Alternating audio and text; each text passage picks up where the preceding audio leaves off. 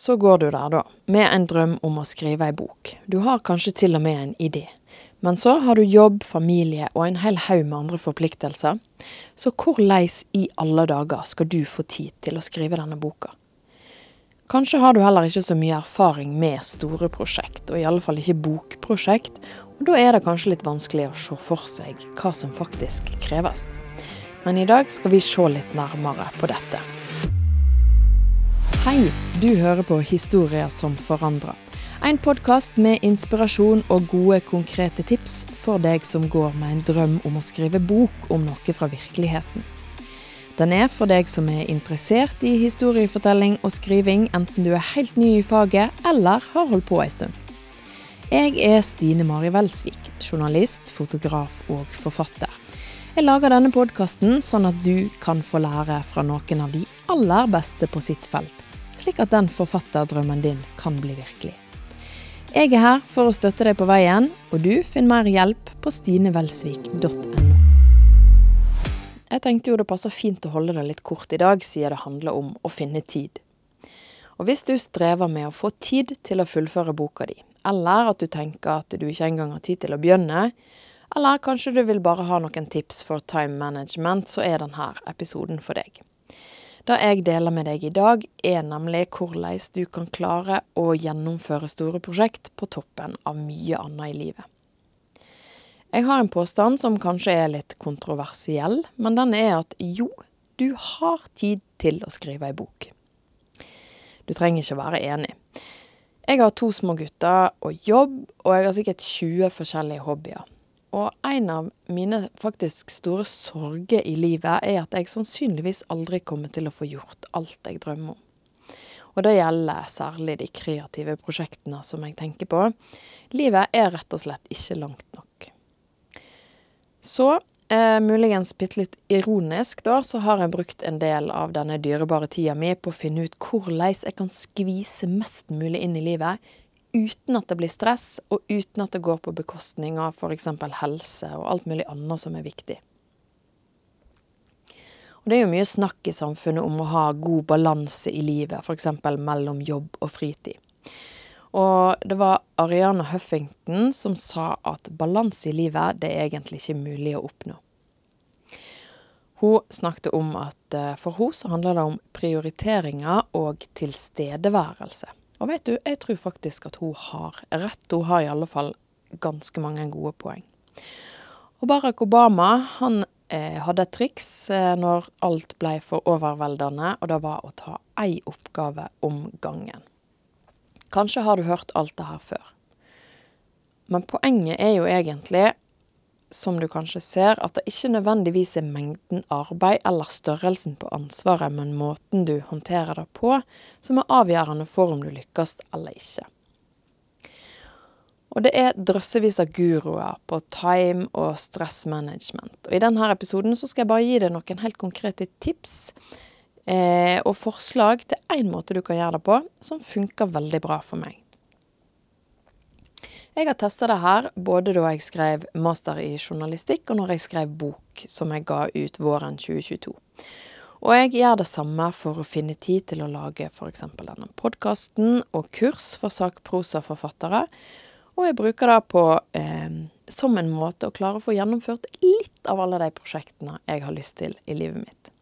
Det kan hende at du opplever noe av det her som litt sånn tøff love, men jeg tror òg at det er umulig å oppnå noe uten at det kommer med en eller annen form for prioritering eller offer. Men jeg er òg veldig opptatt av det løpet en legger opp til, av at det løpet en legger opp til, skal være bærekraftig. Det betyr at du skal kunne stå i det over lang tid. Det skal ikke stjele glede, men det skal gi glede og du skal oppleve mestring og ikke nederlag. Det betyr ikke at det alltid skal være enkelt. I dette tilfellet så handler jo alt i bunn og grunn om å gjennomføre en drøm. Det er ikke, som jeg sa, alltid lett, men det skal i alle fall være mest positivt, tenker jeg. Og hvis du går på en smell og blir utbrent underveis i et bokprosjekt, så vil det neppe være verdt den prisen.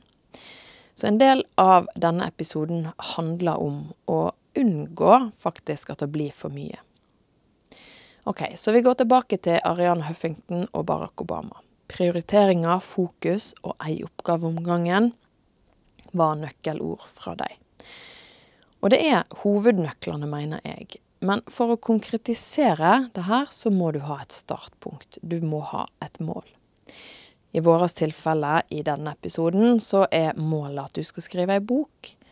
Du kan øke presset, øke eh, vanskelighetsgraden på målet ved å ha tidsfrist, men du må ikke. Kanskje du ikke har kommet i gang med denne drømmen du har hatt lenge fordi du tenker at du ikke har tid. Men du har det. Du må kanskje bare jobbe litt for å finne den tida. Alle mennesker har like mye tid til rådighet i løpet av ei uke, men så er det veldig varierende hvor mye vi klarer å få ut av den tida. Og hvor sterk motivasjon du har for å nå et mål, vil jo påvirke hvor mye du er villig til å ofre eller omprioritere, for å bruke et litt mer positivt ord, for å få det til. I toppidretten så finner du massevis av gode eksempel på sterk motivasjon og harde prioriteringer. Og både masterutdanningen som jeg tok, og eh, boka som jeg skrev, er for min del utført mens jeg har vært hjemme med ettåringer og jobber redusert. Og hvis du har unger, så vet du at så lenge det her lille mennesket er i nærheten, så får du ikke gjort noe annet som krever oppmerksomhet av deg. Så i praksis så har den tida jeg har hatt til rådighet, vært når ungene sov. Og det kunne være mellom én til to timer på dagtid. Og i tillegg så var det kvelder og netter. Men jeg har ikke ofra verken søvn eller helse for å få til noe av det her. Og dette med timer, det funker egentlig litt på samme måte som penger. For du har sannsynligvis et visst antall kroner til rådighet, og du har faste poster som krever sitt. Så når du skal i gang med noe stort, og har satt deg et konkret mål, så bør du først se på tidsbudsjettet ditt. Og du skal få noen fun facts. For du har 168 timer hver uke. Og etter en 40 timers arbeidsveke så har du 128 timer igjen. Og når du har sovet 8 timer hvert døgn, så har du 72 timer igjen. Og hvis du aldri har tenkt over hvor dagene dine går, så kan du kanskje gjennom den kommende veka f.eks. notere ned hva du bruker timene dine på. Time for time. Og det kan være en vekker. Og kanskje ser du, som med økonomien, at nei, her vil du gjøre ting litt annerledes for å få et annet resultat. Så vi har jo ulike ting vi holder på med i løpet av ei uke. Men trikset her, altså bottom line, er egentlig at du bestemmer deg for hvor mye tid du ønsker eller må bruke hver uke for å klare å nå målet ditt. Jeg for min del bestemte meg for at jeg skulle bruke én til to timer hver dag. Og det blir 14 timer. Nesten to arbeidsdager hver uke. Og så må du finne disse timene, altså når på døgnet og hvilke dager i den kommende veka, eller du kan se en måned fram i tid, eller du kan velge sjøl hvordan du vil gjøre det, men du må spikre de timene. Du må sette av mellom klokka ditt og klokka datt så er det arbeidstid for å nå det målet. Og det er jo her det kommer inn dette med å prioritere. For kanskje har du fire timer en lørdag eller en søndag morgen du kan bruke, og så må du blokke de ut i kalenderen. Eller er det f.eks. mulig å forlenge arbeidsdagen en time eller halvannen og jobbe med boka di før du går hjem og hopper inn i familiekarusellen? Sitter du kanskje f.eks. mest på sosiale medier mens ungene er på trening, kunne du kanskje heller skrevet bitte litt i den timen eller de to timene. Her må du rett og slett bare ta noen valg. Og tenk at da å oppnå dette målet ikke er ei egoistisk greie. Ei bok har nemlig stor verdi for mange. Og hvis du har ei bok på hjertet, så er det her som du har å komme med, viktig for leseren din. Og Derfor så bør du se på tida når du velger å sette av som like hellig, eller hva vi skal kalle det, som om det var en arbeidsavtale med sjefen din, en legetime eller andre ting du prioriterer å faktisk møte opp til. Og du, når på døgnet fungerer du best? Kan du finne tid mens du ennå er uthvilt, og kan du bruke den beste tida di på dette prosjektet. Min erfaring er jo at hvis jeg jobber når jeg er mett, f.eks., eller iallfall ikke sulten og på lavt blodsukker, når jeg er uthvilt og har det sånn noenlunde OK, så får jeg gjort mye mer på kortere tid, og ofte med bedre resultat. Så heller korte arbeidsbolker enn lange timer der jeg egentlig ikke får til noe. For de bolkene stjeler jo også tid. Og så var det dette med fokus. Når du har satt målet, så kan du òg lage deg en slags sti for hvordan du skal gå fram, eller hvor du skal gå. Hva oppgaver det er du må løse for å faktisk komme fram. Og med ei bok så er det kanskje veldig mye arbeid som skal gjøres. Noen av oppgavene tar deg raskt framover, som eksempel da å skrive. Andre fører deg egentlig ikke noen plass uten at de viktige tingene blir gjort. Eksempel som å finne bilde til bokcoveret ditt. Du kan bruke dagevis på det, men du kommer ikke noe lenger med drømmen din før du faktisk har skrevet boka. Så derfor må du lage deg en slags plan for hva slags oppgaver du skal prioritere, og forsøke å estimere hvor lang tid du trenger. Og her er en greie. Du trenger nesten alltid mer tid enn du tror. Og den beste måten å føle seg ubrukelig på, det er å lage en altfor ambisiøs og urealistisk plan. Mitt tips er at du er raus med deg sjøl, og at du tenker bærekraftig, sånn som jeg sa. At du skal klare å leve med dette tempoet, med denne mengden arbeid over tid, og uansett hva som skjer. Er planen for ambisiøs, så skaper du stress for deg sjøl. Du kommer til å ha dårlige dager, så ta det med i beregninga di at livet skjer, at ungene blir sjuke, at du ikke får sove, at noe skjedde på jobben.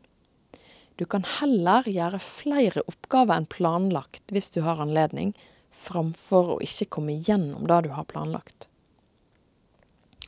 Stress og kreativitet har jeg aldri fått til å funke sammen.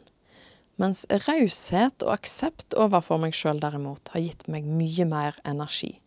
Og til sjuende og sist så har det ført til at jeg har klart mer enn det jeg trodde. Så når du har funnet tid, så skal du bestemme deg hvordan du skal bruke den.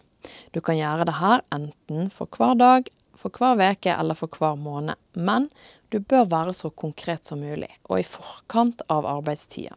Det betyr at hvis du har f.eks. to timer til rådighet på mandag, så bør du lenge før mandag, senest dagen før, vite helt konkret hva du skal bruke de to timene til, som gjør at du kommer et steg nærmere målet.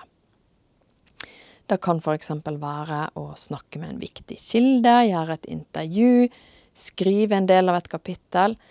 Og når du veit hva du skal gjøre før du begynner å jobbe med det, så er sjansen stor for at du også går og tenker litt før du skal til å jobbe. Og dermed så er det lettere å komme litt sånn i arbeidsmodus med en gang du starter. Du har noen tanker om hva du skal gjøre, og hva du skal bruke den tida til, og da bruker du den bedre. Men fokus det betyr òg å være fokusert. Det betyr at når du har satt av tid til å jobbe, så er det lurt om du faktisk bruker den tida til det. Sjøl om du ikke føler for det, og sjøl om det er krevende og til og med kjedelig, og faktisk også de dagene du har mista motet og lurer på hva som er poenget. Og det er kanskje her jeg kommer med litt sånn tøff lov, da, vet du. For du skjønner da, min venn, at den eneste som kan ta deg framover, er du. Og det triste egentlig er jo at hvis ikke du bryr deg om å klare det, så er det jo egentlig ingen andre som bryr seg heller. Men hvis du heier på deg og jobber for deg, så vil fort veldig mange andre òg heie på deg. Og Hvis du har familie og andre som krever mye av deg, så kan du med fordel være litt tydelig og sette noen grenser. I arbeidstida så trenger du fred. Du kan hjelpe etterpå. Lydløs telefon, låst kontordør eller hva du nå enn trenger. La handlelista vente, la klesvasken stå. Og nei, du trenger ikke å støvsuge for å klare å konsentrere deg. En del av det Ariana Huffington sa da hun snakka om at balanse i livet ikke er mulig, det var jo egentlig at ulike perioder i livet krever ulike ting av oss.